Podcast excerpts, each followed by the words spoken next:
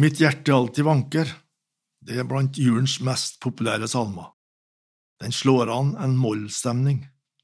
Mitt hjerte alltid vanker i Jesu føderom, der samles mine tanker som i sin hovedsum. Men så går melodien over i dur og i et høyere stemningsleie, før den igjen vender tilbake til mjuke molltoner. Der er min lengsel hjemme, der har min tro sin skatt, jeg kan deg aldri glemme, velsignet julenatt. Du kjenner den, ikke sant? Språket tar tanker og følelser med inn i stallen. Den vakre julefortellinga, som alle i vår kultur fortsatt kjenner til, om den fattige, ugifte mor som føder barnet i så ynkelige omstendigheter, den er jo egentlig så gripende. Og det gammelmodige språket med verb som å vanke og følelsespregede substantiv som mitt hjerte og lengsel, det knyttes tett opp til fortellingen. Jeg blir med med hele meg, inn i stallen, selv om språket ikke er det dagligdagse i salmen og i teksten. For den som reflekterer nærmere når en hører salmen sunget, eller når en sjøl synger den, åpner det seg et tankevekkende paradoks, altså en tilsynelatende sjølmotsigelse. Her står spørsmåla i kø, og salmedikteren lar dem stå ubesvart. Men blir vi bare med på en religiøs grubling? Nei, grublinga blir til forundring og tilbedelse. Bli nå med brorson inn i paradokset, for det er jo vitterlig en sjølmotsigelse at Gud sjøl, som æres og tiljubles i himmelen, nå ligger i en illeluktende stall. Ja, han blir forakta og forfulgt etter hvert. Hans mor og stefar måtte berge han fra sverdet. Han er alle tiders og alle skapningers gud, sjøl den store perla og skatten, hvorfor må han da ligge her i usselhet? Han som bare kunne si et ord, og det skjedde, han som alle konger pynta sine slott for og kyssa hånda til, han mottas her uten julepynt. Vi lot du ei utspenne en himmel til ditt telt, og stjernefakler brenne for ham, den himmelhelt. Han er himmelhelten, som kunne ha utspent en himmel som sitt telt. Han kunne ha tjent tent, tent stjernefakler og troppa opp med sterke engler.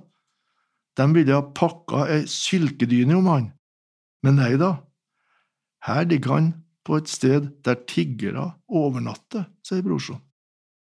Det er ikke av versene som vi ikke har med i salmeboka. Ikke engang høyet han ligger på, i hans eget. Han som er både Gud og mann, mottas med en sånn gjerrighet at det er ubegripelig. Han som en gang skal dømme verden etter guddommelig rett. Nå har han sjøl ikke det han kan helle hodet til. Men bli med ut i skaperverket. Se på spurven, for eksempel, på svalen, på løva. Jo, en svale har sitt rede, en løve har sin hule. De vet hvor de skal slå seg til for natta, i kjente omgivelser, tilpassa deres natur. Men han, min Gud, må seg skjule i andres stall og strå.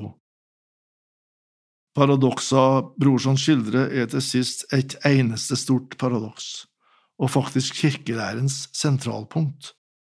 Ordet ble kjød, Gud ble menneske, inkarnasjonens mysterium, som det heter på fint. Og dette mysteriet løses egentlig aldri. Vi er på troens område. Vi veit bare noen ting, som Brorson ofte understreker. Hensikten med at han kom som et lite barn, var å gjøre oss salige, frelse oss.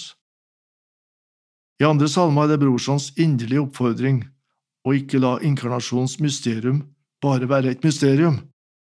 Tenk, han bøyde seg så djupt ned for å ta deg med så høyt opp. La det ikke bare bli en religiøs julestemning. Bli med meg, så skal vi finne at der er min lengsel hjemme, der har min tro sin skatt. Vår lengsel tilfredsstilles hos Han, troens skatt ligger i krybba. Og Derfor avslutter Brorson salme med noe helt personlige erklæringer, eller beslutninger om du vil. Akk, kom, jeg opp vil lukke mitt hjerte og mitt sinn. Jeg vil lukke opp hjerte, sjel og sinn, og full av lengsel sukke kom Jesus dog her inn. At han vil bo her inne, det er også et paradoks. Men det var jo derfor det første store paradokset skjedde i Betlehem. Skjønt sjølmotsigelse er det det. Mitt indre er jo faktisk ikke noe fremmed bolig for han. Du har den selv jo kjøpt. Derfor vil du komme inn til meg. Nå i jula vil jeg hylle deg med palmegreiner og kalle deg min brudgom.